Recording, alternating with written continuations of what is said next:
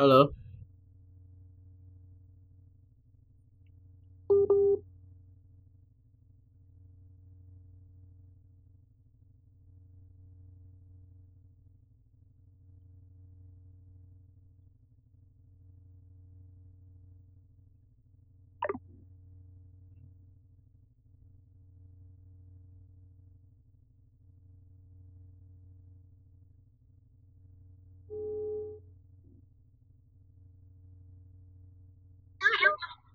Halo. Bos, bos. Halo. Halo. Halo, Bang. Ya, halo, Bana. Halo. Ya, halo, Bana. Selamat malam. Akhirnya ya. eh, ini lu BTW eh, lagi di tempat yang rame atau lagi di tempat yang sepi, Bang? Agak rame sih kebetulan. Kosannya temen gua, Ban. Oh. Kira-kira bisa Gak main rame-rame banget lah, bertiga doang. Enggak, maksudnya takutnya ngeganggu noise gitu loh, Bang. Oh, suaranya jadi noise ya. Ini Hmm. suara Mobile Legends beneran ya? Mobile Legends lagi. Kedengeran ya noise Kalau enggak sih, fine-fine aja ya. Iya. Oh gitu. Lumayan lah. Takutnya paling kecil ya sih, paling kecil sih. Berarti ini lu lagi apa lo speaker nih? Lagi lo speaker nih.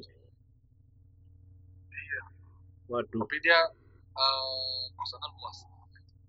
hmm, gitu ya. Buat, buat, buat. Mereka berdua main Mobile Legends. Hmm. Sinyal di sana aman? Apa? Gak banjir. Lu ngerekam, ngerekam pakai? Ban? Rekam pakai HP gue. bisa WhatsApp direkam pakai HP. Oh lu HP satunya lu Agak, tenang aja. Baterai, baterai. sambil ngecas. Ngecas ya. Hubungan gimana nih? Apa? Hubungan. Hubungan sama orang tua. Ya bebas. Enggak, tadi itu ya. Enggak, tadi itu tadi merupakan uh, opening dari podcast ini lah. Mari kita mulai. Hai, my name is Baramana. Well, and welcome to this podcast. Dan ini gue akhirnya berkolaborasi sama orang ini. Sangat susah Iya, iya. sekali untuk mencari waktunya sampai-sampai yang dari gimana bisa dibilang ya. Ada kali sekitar janjiannya enam bulan, eh malah baru fix sekarang. Kayak gitu. Mohon maaf sebelumnya ya. Nyocokinnya susah. Iya, udah kayak nyocokin apa ya? Pasangan di Tinder aja ya. Oh, kalau itu gampang. Oh, gampang ya. Matchnya 300 loh. Oh gitu, waduh. Pengalaman apa ya? Pengalaman. Pengalaman. Oke, Dan ini gua masukin lu ke episode ke-50. Banyak juga episode lu. Iya. Dan lumayan lumayan apa? Perjalanannya udah lumayan panjang sih. Ada kali dari tahun 2019 awal eh 2000 i- 2019 ya, 2019 pertengahan gua pertama kali upload di Spotify. Sampai sekarang nih episode 50 lumayan ya. Tapi suara gue jelas kan ya? Jelas, jelas, tenang aja bang. Oke, eh, coba dong sebelum kita mulai, lu introduce yourself dulu lah ya. Kenalin nama lu siapa, umur lu berapa, kesibukan lu sekarang lagi pandemi ini ngapain sih bang? Pakai bahasa Jepang atau bahasa Indonesia? Eh, Indonesia dulu baru di Jepang deh. Eh Jepang dulu justru, Jepang dulu, Jepang dulu baru Indonesia dah. Heeh. Hai, arigatou gozaimasu. Hajime maste, fale desu. Ijuroku sai desu. Higashi Jakarta karakimashita. Ngerti nggak, Bang? Artinya, gua nggak tahu lagi Jepang gua di SMA 8 aja jelek bang, gimana sih lu? Bahasa Jepangnya. Gua aja, gua aja Jepang di SMA 8 aja jelek gua nilai Ya, jadi gua tadi show off gua. Sorry, sorry. Oke, gua kenalin diri gua. Nama gua Valen, 26 tahun, eh, tinggal di Jakarta Timur. Tadi bahasa Jepangnya itu. Terus sekarang kesibukan kerja aja jadi budak korporat. Sama eh, belajar belajar tentang money management. Anjing. terus sama apa ya jalin relationship sama teman-teman? Belajar tentang manajemen bisnis ya gitu-gitu loh. Hmm, itu aja. Sama nonton anime. Oh gitu ya, oke. Nah, untuk episode bareng sama lu ini, Bang, uh, gue masukin lu ke dalam series yang pertama merantau untuk magang. Karena yang gue tahu itu lu uh, pas tahun berapa sih lu yang di Jepang kemarin, Bang? Tahun kemarin 2020. ya? Benar magang. Oh, 2020 dan itu di bulan Di bulan Januari bukan. Januari sampai bulan Maret lah ya. Sampai bulan April. Oh, April justru. Oh, berarti untuk kategori lu masih ada sedikit menyerempet ke kalender corona ya. Iya, iya, betulan. Masih merasakan corona di sana. Oh gitu ya. Oke. Jadi ini pengalaman cerita pada episode pada kali ini mungkin kurang relate untuk zaman-zaman sekarang karena lagi pandemi. Jadi ya ini dia lagi berbagi sharing aja untuk pengalaman dia merantau untuk magang kemarin di tahun 2020. Coba dong uh, lu coba dong ceritain dari awalnya ke lu dapat proses magang ini dari mana dan proses dari awalnya dari uh, lu pertama kali di Indonesia itu kayak gimana prosesnya sampai lu berangkat ke Jepang itu kayak gimana sih bang? Oke. Okay. Uh, kalau itu pertama sebenarnya ya karena gue lagi cari kerja, gue lagi cari kerja, terus memang uh, gue waktu itu tujuannya mencari kerja itu buat uh, yang manajemen training sebenarnya target gue tuh. Sebenarnya. Jadi gue emang apply applynya buka lowongan manajemen training. Terus kemudian uh, tujuan gue juga waktu itu mencari lowongan yang nggak cuma sekedar gajinya besar ya tapi juga punya feedback buat diri gue berkembang. Kayak gitu uh, kalau untuk apa namanya kenapa bisa dapat ya ini dari info aja sih dari dari kerabat yang bilang ini mau nggak lo apply di sini? Kalau terima dikirim ke Jepang buat training. Ya udah gue gitu posisi udah udah keterima sebenarnya sebagai manajemen training seksual. Sebenarnya bareng satu angkatan sama senior kita siapa namanya itu bang pernah masuk podcast lu juga? Siapa? Yang masuk ke grup lu kan mana gua tahu yang banyak yang senior senior gue bukan angkatan gua senior. Siapa? Bang Arif? Iya bang Arif. Bang Arif itu dia di XX1 kan? Iya dia di, di XX1 dia. Iya jadi cinema manager dia kan? Iya dia MT oh. juga sih. Dia MT juga nah, itu gua satu gua satu angkatan sama dia sebenarnya PSM XX1 Oh, oke. Okay. Uh, biarpun gak ketemu waktu seleksi, tapi gue tahu dia keterima di kasih teman gue yang keterima juga. Oh, tapi lu nggak keterima? Gue keterima, bang. Hmm. Uh, uh, jadi posisi gue waktu itu tes lama prosesnya MTX seksual. Nah, pas keterima di telepon, uh, kalau kamu keterima ya silakan datang buat sign kontrak dan offer gaji gitu kan. Posisinya gue itu lagi interview gue lupa tahap kedua atau tahap ketiga uh, di kakak ini posisinya. Oh. Posisinya ya. Okay, dan nggak okay. tahu kenapa gue waktu itu kayak yakin gue bakal keterima di kakak atau gue kenapa yakin banget ya. Hmm. nggak tahu kenapa yakin banget gue, gue bakal keterima di kakak jadi gue ngerasa klop aja gitu dengan pas gue di interview sama orang-orang kantor gue nih gue ngerasa klop banget. Makanya pas gue ditelepon kamu ke kantor ya uh, hari Senin buat kita tanda tangan kontrak sama XX1 tuh. Gue bilang oh maaf tuh saya udah terima di tempat lain. Gue tuh akhirnya memutuskan kayak gitu.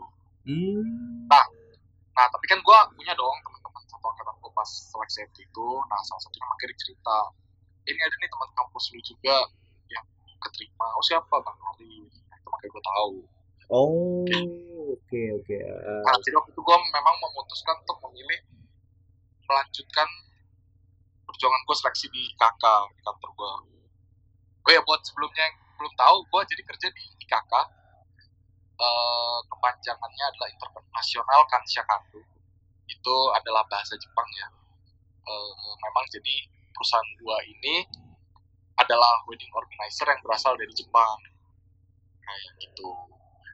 Jepang sendiri uh, dia udah dari tahun 1945 udah punya 18 cabang di Jepang di 18 kota tentunya dan sudah IPO kantor gua di Jepang kayak gitu.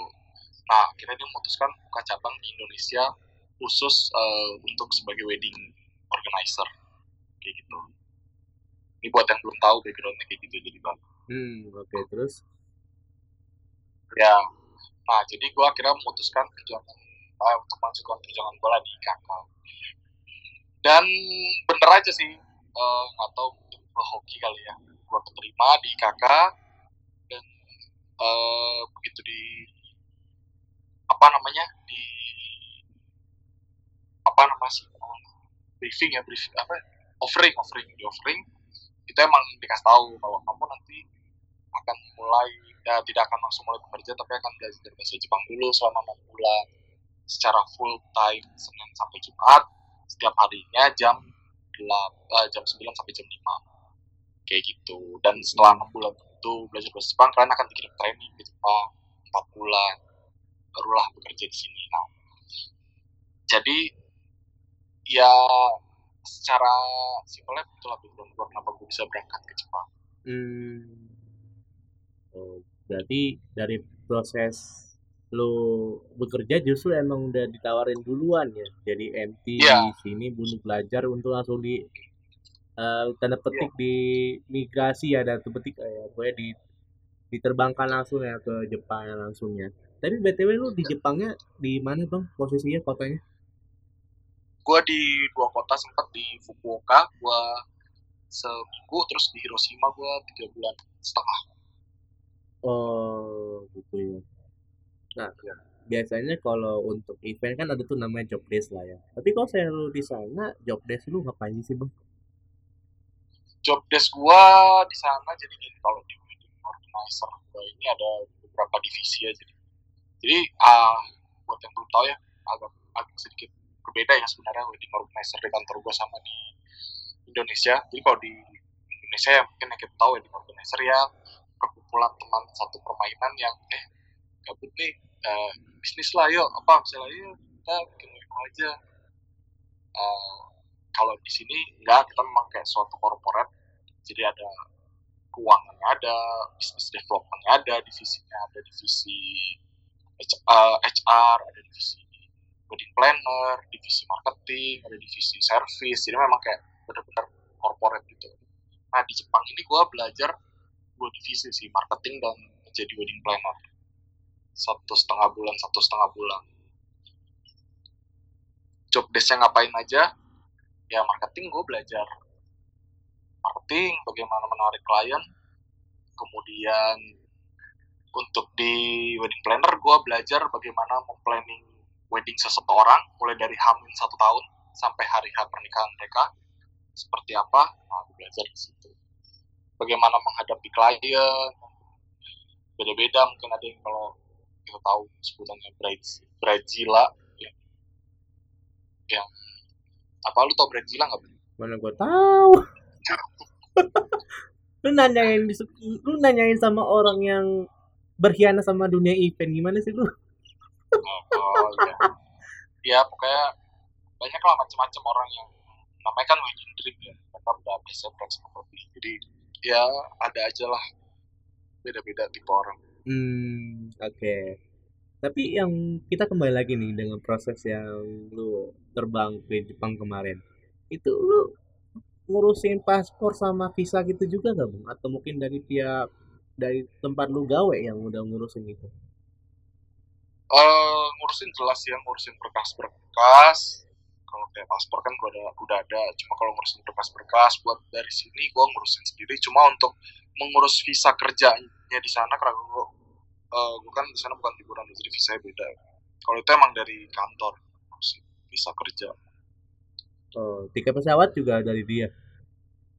Ya full. Gue ditanggung semua uh, mulai dari belajar bahasa Jepang di sini itu ditanggung di bahkan dikasih gaji dikasih kosan terus pas di Jepang juga full tiket pesawat visa uh, gaji di Jepang tempat tinggal apartemen dari kantor Hmm, oke. Nah, kita bahas tentang fasilitas yang lu dapatkan kemarin. Nah, pas lu nyampe ke sana apakah dari pihak IKK Jepangnya itu nganterin lu kayak misalnya jadi kayak tour guide-nya lu selama lu di Jepang sama rekan-rekan lu apa mungkin kayak lu harus cari tem shuttle bus sendiri gitu buat ke tempat hotel yang udah disediakan gitu loh bang. Ya kalau itu pasti hari pertama kita diajarin sih. Maksudnya kayak hari pertama gue dijemput tuh gue langsung diajarin. Habis dianterin ke hotel gue diajarin kamu naik ini ya besok ke kantor. Naik busnya ini ini aja naik keretanya ini ini aja pulangnya juga naik ini ini aja dianterin. Ya hari keduanya mah udah mandiri. Oh tapi ban bandara bandara mana bang? Bandara. Bandara gue turun di di to, transit di Tokyo baru turun di Fukuoka. Berapa lama tuh perjalanan dari Suta? Ya total 7 jam lah kurang lebih. Udah tamat udah tamat transit itu?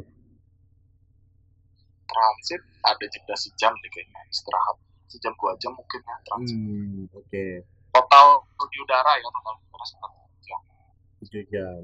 Untuk perbedaan waktu berapa jam beda dua jam lebih cepat lebih lambat? Lebih cepat. Lebih cepat oke. Okay.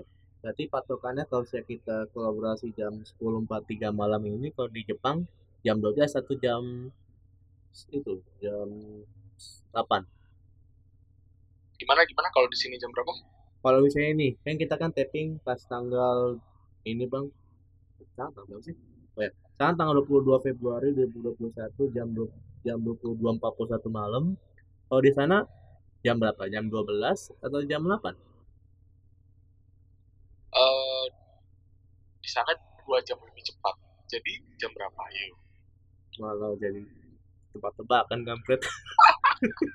Iya jam 12 dong kan. ya nggak apa-apa. Cepat. ya basa-basi kan nggak apa-apa. Siapa tahu kan. Oh, iya. oh iya oke Eh, Nggak berhasil. nggak berhasil ya nggak berhasil bahasa basi good ya oke Iya di sana jam 12 lah. jam dua 12 ya iya iya iya nah berarti ada dari pihak IKK sana nganterin lu sampai ke hotel dah fasilitas apa sih yang lu dapatkan gitu sama lu di sana Fasilitas eh, banyak sih. Eh, sepeda pinjemin gue di sana. Terus apartemen satu orang satu satu unit. Kemudian uang ini uang apa gaji ya. Sama apa lagi? Udah sih kayaknya ya. Itu aja. Ya pokoknya di sana eh, kita tinggal kerja terima gaji lah bersih. oh biaya makan ditanggung sama dia atau mungkin kayak dari pihak Enggak, hotelnya kalau- siapa tahu Nah, apa gimana? Doang. Di hotel gue, gue di hotel seminggu doang waktu di Fukuoka. oh. Pas gue udah pindah ke Hiroshima itu gue di apartemen. hmm. Di apartemen ini lu dapat apa? Dapat TV dapat laundry gratis apa gimana? TV, mesin cuci, eh ofuro, ofuro apa ya bahasa Indonesia? Betap, betap, betap mini betap, oke. Kayak mini betap yang ada air panasnya, Heeh. heater heater jelas, Heeh. AC, heater ruangan, apalagi ya balkon, dapur, kayak apartemen kalau lu nonton anime, eh, bentuk anime, eh, bentuk apartemennya persis kayak gitu. Hmm, berarti skalanya skala skala kecil ya? Skala kecil, Hmm, ya enggak loh. Ya menengah lah menengah ya. Oke, kalau disebut skala kecil enggak. enggak ya? Lu nonton animenya apa nih? Anime yang kartunya ini kali yang Kismin pemeran utamanya. Gua aja Kayak ini, kan. ini anime apa? Iya pokoknya pokoknya lu searching lah kalau di Google apa tuh. Iya iya, gua tahu. Pun teman-teman malam top obro- obrolan langsung nyampe ke itu ya film biru ya. Emang kampret tuh. Oke, eh, Kok film untuk ah lu nggak tahu film biru bang? Tahu kan gua ngomong anime tadi anime bukan film biru. Iya makanya gitu kan. Gua, gua kira justru lu pengen nyerempet ke sana, datang enggak. oh kagak Agak ya. Oke. Nah, untuk jaraknya dari lu nyampe pertama kali lu di Fukuoka sampai yang pertama kali lu gawe untuk pertama kali magang di Jepang itu berapa lama? apanya Jadi misalnya nih, lu nyampe ke Jepang hari Minggu.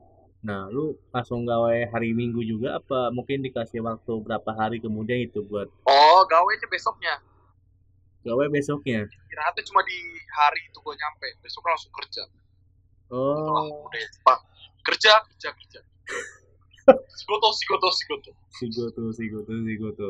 Dan prinsip itulah yang bakal diprinsipin sama orang Indonesia ya. Tagline Jokowi banget, kerja kerja kerja. Ya, bedanya kalau orang Indonesia hanya di tagline. Oh gitu ya. Iya. Beda sih, beda banget. Beda ya. Kalau lu ke sana, beda banget aura. Hmm. Dan lu pas nyampe ke sana untuk pertama kali, lu merasa kata shock gak sih bang dari pihak dari segi suhunya, kulturnya sama orang-orangnya, Merasa apa? culture shock. Culture shock.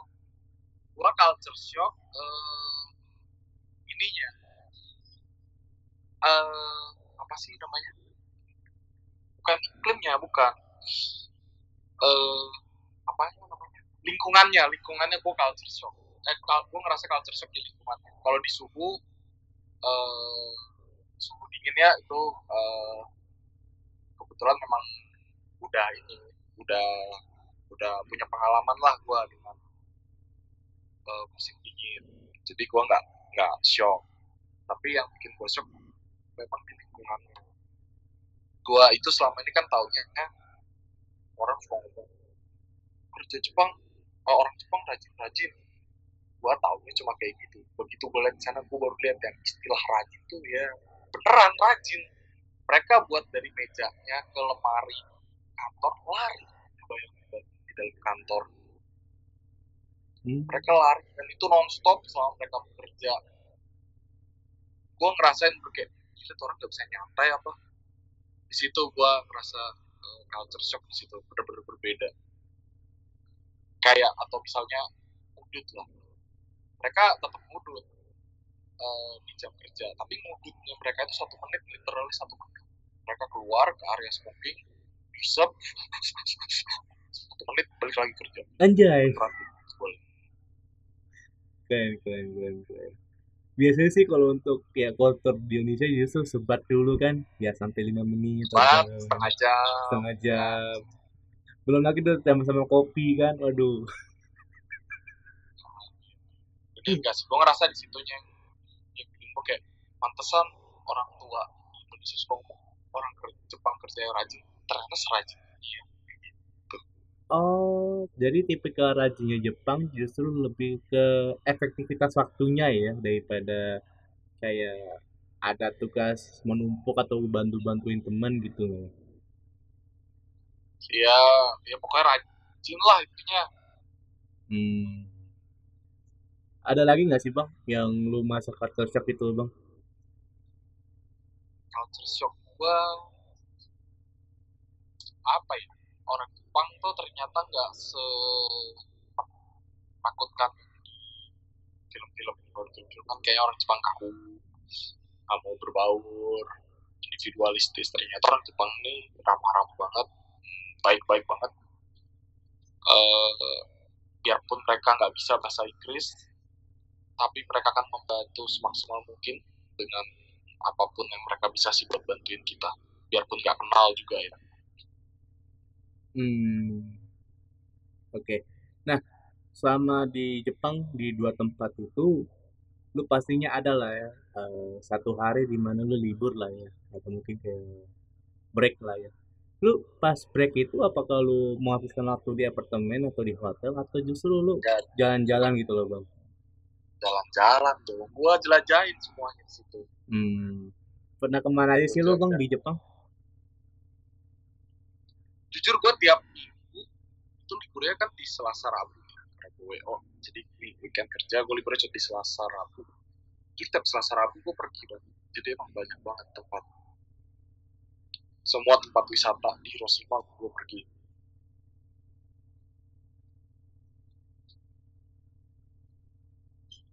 Halo Oh, cuman di Hiroshima do, di cuman di Hiroshima doang, nggak di tempat yang lain gitu atau sampai ngerempet ke mana gitu kan Nagasaki apa gimana gitu. oh ya pergi gue ke Osaka Kyoto itu gue pergi maksudnya gue eh, kayak semua tempat di Hiroshima aja gue datengin gitu maksudnya tapi gue juga pergi ke kota lain gue ke Osaka gue ke Kyoto gitu Hmm.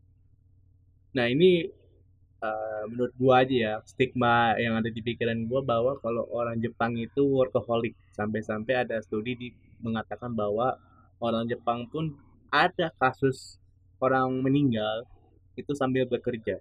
Tapi kalau saya lu rasain di Jepang kemarin emang betul begitu nggak sih, Bang? betul betul itu emang eh, apa namanya kayak gitu jadi kayak misalnya eh, yang gue bingung adalah mereka itu lu bayangin lembur dalam sebulan bisa nyampe 40 jam lebih. Bayangin. Berarti kalau 40 jam lebih dia lembur sehari berapa jam? Bisa berapa ya? 4 jam atau 2 jam?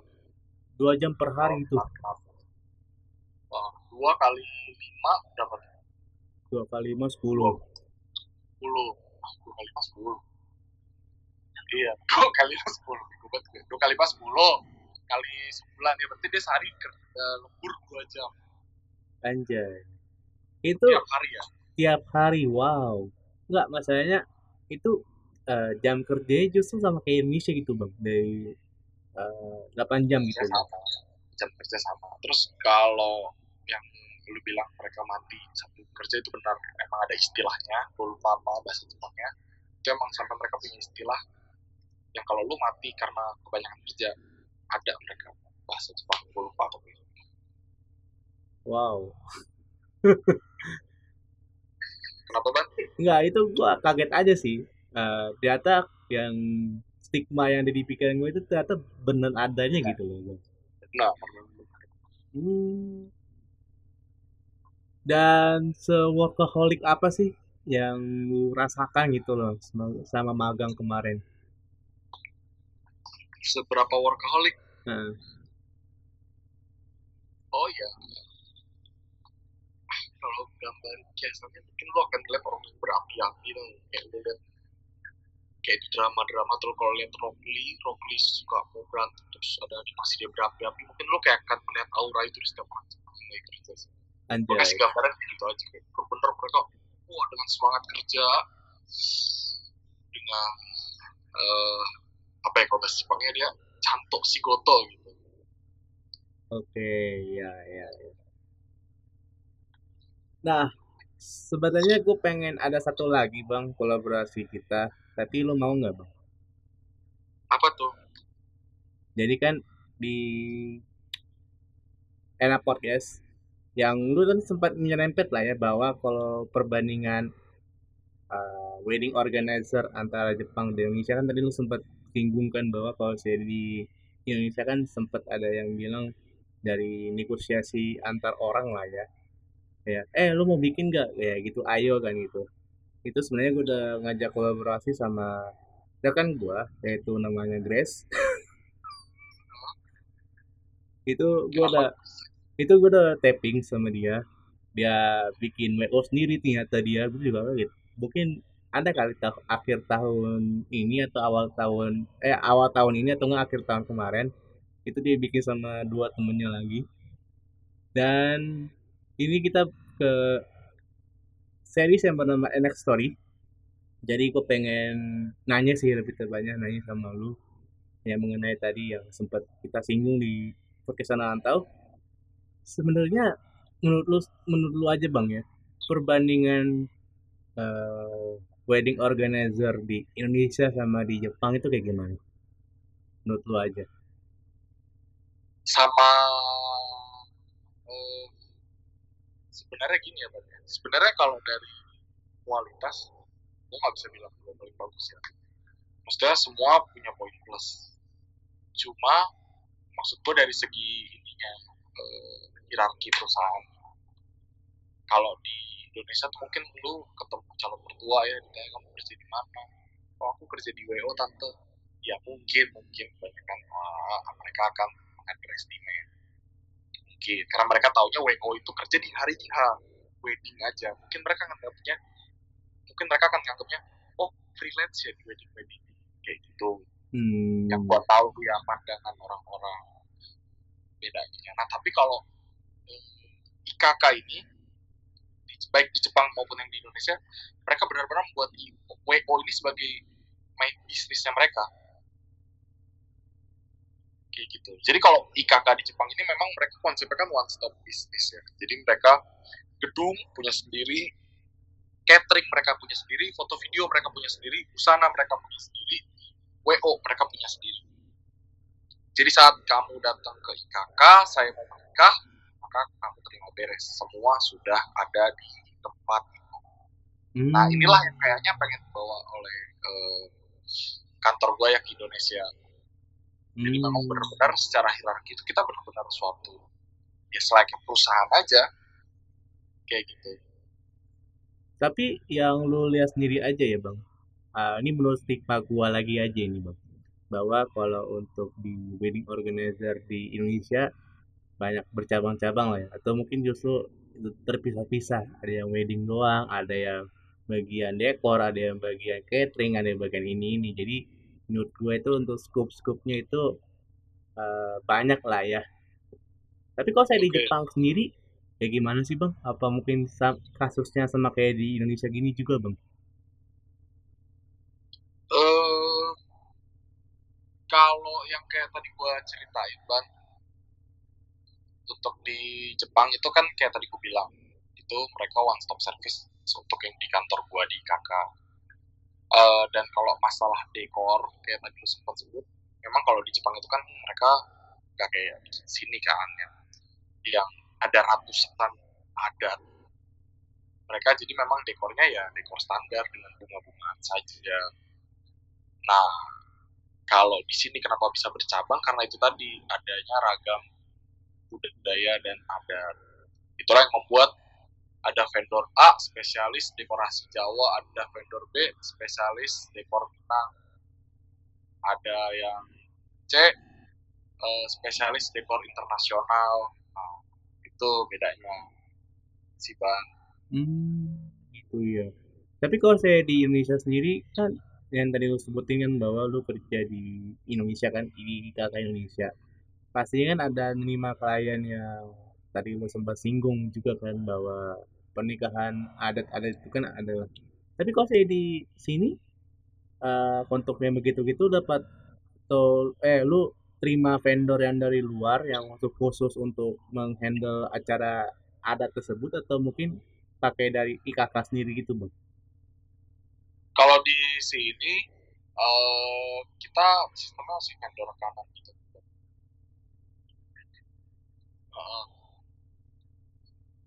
masih vendor dulu ya? Bukan vendor gua rekanan aja. Jadi memang pihak ketiga tapi kita rekanan. Oh gitu. Ya, ya. hmm. tapi kalau saya untuk yang sekarang ini lagi marak yaitu adalah wedding online. Itu lo handle juga bang? Wedding online tuh gimana maksudnya? Coba kasih gambaran.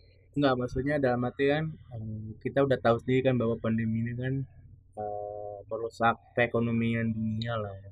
Sampai-sampai gua lihat di berita pun bahwa ada satu jasa yang emang dia menghandle khusus untuk kayak pernikahan tapi lewat online gitu loh bang lewat zoom atau mungkin lewat aplikasi yang lain lah gua nggak tahu karena uh, gua nggak pernah mengalami itu. Justru gua belum pernah dengar boleh dijelasin nggak maksudnya wedding online gimana? Apakah ijab kabulnya online? Uh, mungkin atau seperti apa ini ini menurut pandangan gua aja bang ya. Menurut pandangan gua lagi. Sebagai orang yang bisa bilang berkhianat dengan dunia event. Jadi gini uh, untuk pernikahan zaman new normal ini di, di era corona begini kan ada yang offline online mereka gabung. Ada yang online full. Kalau offline online ya seperti biasa lah ya. Mereka datengin berapa pengun berapa pengunjung cuman kerabat-kerabat dekatnya doang.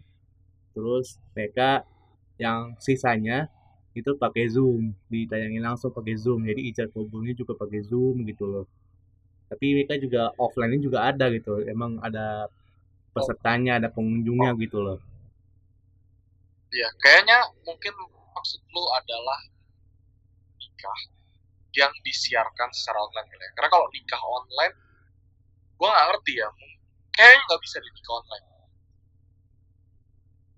mungkin prosesinya doang bang sih mak- maksudnya prosesinya doang jadi kayak Prosesnya online tuh maksudnya gimana? Jadi mempelai pria suatu tempat, mempelai wanita di berbeda tempat gitu. enggak jadi Keluarganya di beda- jadi di satu tempat di ya biasa lah kalau saya pernikahan nggak mungkin nggak bi- bisa bisa begituan bang jadi di satu Hmm, tempat tempat cewek kan. sama cowok yang nikah ini tapi disiarkan langsung sama pengunjung-pengunjung yang nggak bisa datang langsung ke Oh. sana gitu loh biasanya kalau di Itu, Indonesia kan eh, kalau pernikahan ya ta- kurang lengkap kalau misalnya tambah pengunjung lah ya bisa minimal yang buat makan buat catering gituan lah ya oke. gitu Itu maksudku wedding. Ya iya, jadi memang sekarang gitu. Jadi itu adalah tetap weddingnya offline, tapi disiarkan secara online. Jadi bukan disebut wedding online, bukan. Kalau pameran online, konser online memang ya orang yang perform penontonnya di rumahnya masing-masing jadi bisa disebut konser online. Tapi kalau wedding online kayaknya kurang tepat. Jadi weddingnya tetap offline tetap diadakan di, di suatu tempat tapi memang tamunya dibatasi dan dikurangi karena pandemi. Jadi tamu-tamu yang tidak diundang bisa menyaksikan lewat live streaming kayak gitu. Jadi bukan wedding online. Kayak oh. semacam online bukan. Oh gitu gitu ya oke nggak eh, untuk yang pengunjungnya dibatasi sampai berapa orang Nah itu beda-beda. Beda-beda tiap gedung, tiap tempat, berbeda-beda kebijakan. Kalau dari peraturan pemerintah sendiri, itu hanya boleh eh, memperbolehkan untuk pemerintah DKI Jakarta itu hanya memperbolehkan 25% dari kapasitas maksimal gedung. Itu peraturan resmi pemerintah. Kemudian tidak boleh standing party. Tidak boleh eh, eh, pesta pernikahan seperti sebelum pandemi yang semua orang berdiri ambil makanannya buffet eh, prasmanan itu sejujurnya tidak boleh. Jadi buat para buat bana dan para pendengar setia podcast bana nih kalau menemukan ada wedding yang masih seperti itu di Jakarta ya itu bisa dikatakan sebenarnya mereka eh, eh, tidak mengikuti peraturan. Dari pemerintah DKI Jakarta hmm oke berarti untuk tapi yang gue bisa katakan so, so, so, so, platform gua ini IKK adalah salah satu WO dan eh, pengelola gedungnya yang benar-benar mentaati peraturan eh, pemerintah DKI Jakarta. Jadi kita sampai sekarang pun masih membatasi pengunjung hanya 25% dari kapasitas gedung kita. Terus kita tidak standing party dan kita benar-benar mengikuti semua protokolnya kayak jaga jarak, semua kita benar-benar mentaati gitu. Hmm. Tapi kalau saya untuk makanan sendiri emang udah di apa di can bikin nasi kud nasi nasi boxnya gitu apa gimana bang? Ya, kalau itu jadi dikasih dua pilihan ya. Bisa sidang party, duduk di meja kemudian di serve oleh waiters makanannya bisa juga memang menggunakan nasi kotak sih akhirnya. Oh gitu ya. Kita sebutnya bukan nasi kotak ya sekarang tapi hampers. Anjay, hampers. Nasi kotak itu.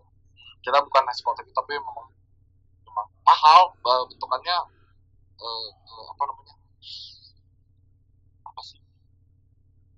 Eh, eh, Parcel. ya memang dikemas iya, bukan parcel juga ya memang dikemas secara bagus juga Oh gitu. Keren juga ya. Padahal cuman makan nasi doang setara kayak makan hamper eh kayak setara dengan makanan apa gitu kan jadi di hampersin. kalau Bana selama pandemi ini ada udah berapa kali ke kondang Ah, aduh.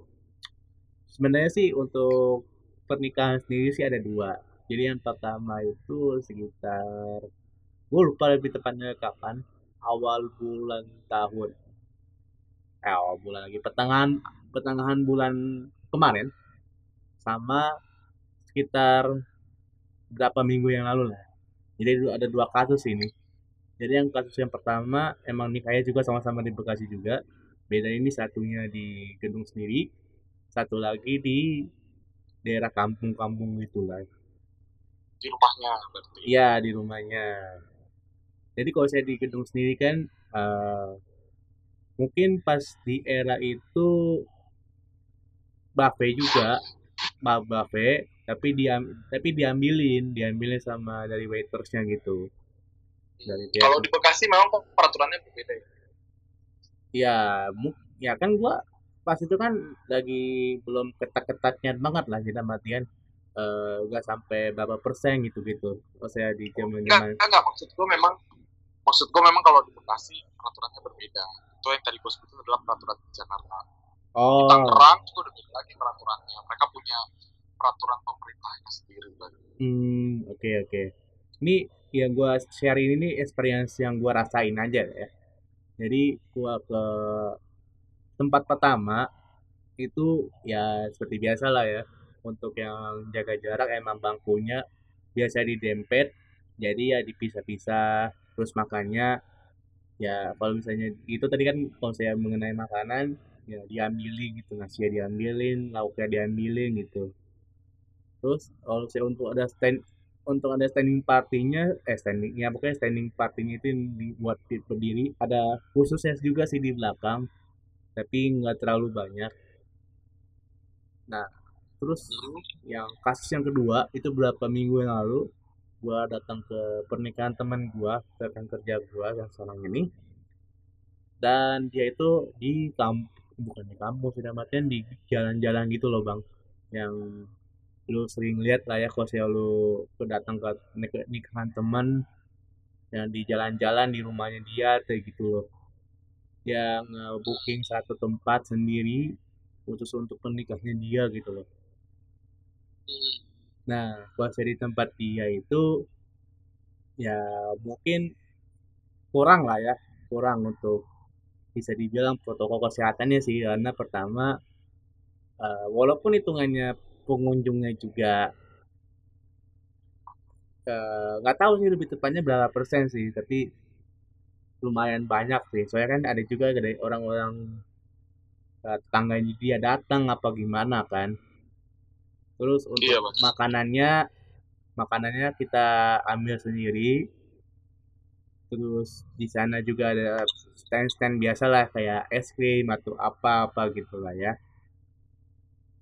Jadi yang gua bisa rasain itu justru kok saya di bisa dibilang pernikahan underground bisa gue bilang gak sih bang? Yang dari yang kasus yang kedua. Pernikahan underground? Iya maksudnya dalam artian kan dia nge-booking satu tempat sendiri buat nikah. Kalau yang kasus yang pertama itu dia nge-booking satu gedung buat nikahnya dia gitu loh bang. Iya iya iya. Kan? Tapi lu pernah mengalami kasus yang kedua nggak sih bang? Di era pandemi begini kan kasus kedua kayak gimana sih maksudnya iya misalnya nih lu ke pernikahan temen lu siapa tahu kan kayak lu iseng-iseng lah gitu. Atau mungkin lu pengen nge-survey aja gitu. Sebagai orang yang berkecimpung di dunia wedding organizer saat ini. Lu ke pernikahan teman lu dan ternyata bukan di gedung tapi di rumahnya dia. Dan uh, mungkin untuk penutup untuk episode pada kali ini coba dong lu kalau misalnya lu pernah mengalami experience sama dengan gua yang bawa lu datang ke pernikahan temen lu tapi justru bukan di gedung tapi di daerah-daerah kayak tem tempat tinggalnya dia itu menurut lu kayak gimana? Iya. Pernah pernah pasti ya nggak gimana gimana sih. Beda tempat aja oh justru gue kira lu kayak makin uh, sensi gitu loh dalam artian kayak uh, ini kok banyak orang gitu loh nggak masa sensi gitu kan lu Iya, enggak juga sih. Di gedung juga banyak kok yang masih menyalahi aturan dengan undang banyak orang, seribu bags. Kayak gitu masih banyak. Nggak ngaruh sih eh, gedung atau bukan. Oh, justru biasa-biasa aja ya respon lu ya. Iya, harus bagaimana? Nggak, ya kan siapa tahu kan lu sebagai orang yang berkecimpung di dunia wedding organizer kan siapa tahu ya ini masih dari persepsi gua masih dari stigma gua bahwa kayak oh kok ada aja gitu kasus di mana pernikahan eh, masih banyak yang ngundangin banyak orang gitu loh di tempat gitu loh Oh iya, masih banyak memang. Oh ternyata lu udah mewajari hal itu ya Iya, ya, ya gimana maksudnya eh ibaratnya gimana ya? Dia nggak mentaati peraturan ya ya udah mau gimana gitu kan. Masih ya maksudnya bebas dia intinya kalau di tempat gua ya mentaati peraturan gitu. hmm oke oke oke oke Eh, thank you ya bang atas waktunya sorry banget nih ganggu waktu lu siapa tahu kan lu pengen ngegawe lagi atau justru lu pengen rehat gitu sebelumnya Oh, kagak slow gua mah. Kagak ya, aman berarti ya. Ama. Gak ada pertanyaan lagi. Buset, dikirain gua wartawan kali ya. Ini gua bro biasa aja bang, jangan kaku-kaku banget gitu. Nggak tahu. Heeh. Emang gua ya kaku sih. Ya karena udah kultur di Jepang emang udah kaku jadi susah ya bang ya. Iya, kayaknya. Jadi eh, kira-kira rencana buat apa? eh, lamaran dulu kapan bang? Ah, belum tahu itu mana. Oke, deh. Doain aja. doain aja. Oke oke oke. Oke untuk episode kali ini, thank you atas perhatiannya dan sampai jumpa. Dadah, Dadah semuanya. Bang Valen. Eh, ini udah kelar. Gue pengen nanya. Lu tadi tuh kayak eh, menurut tadi kemampuan gue dulu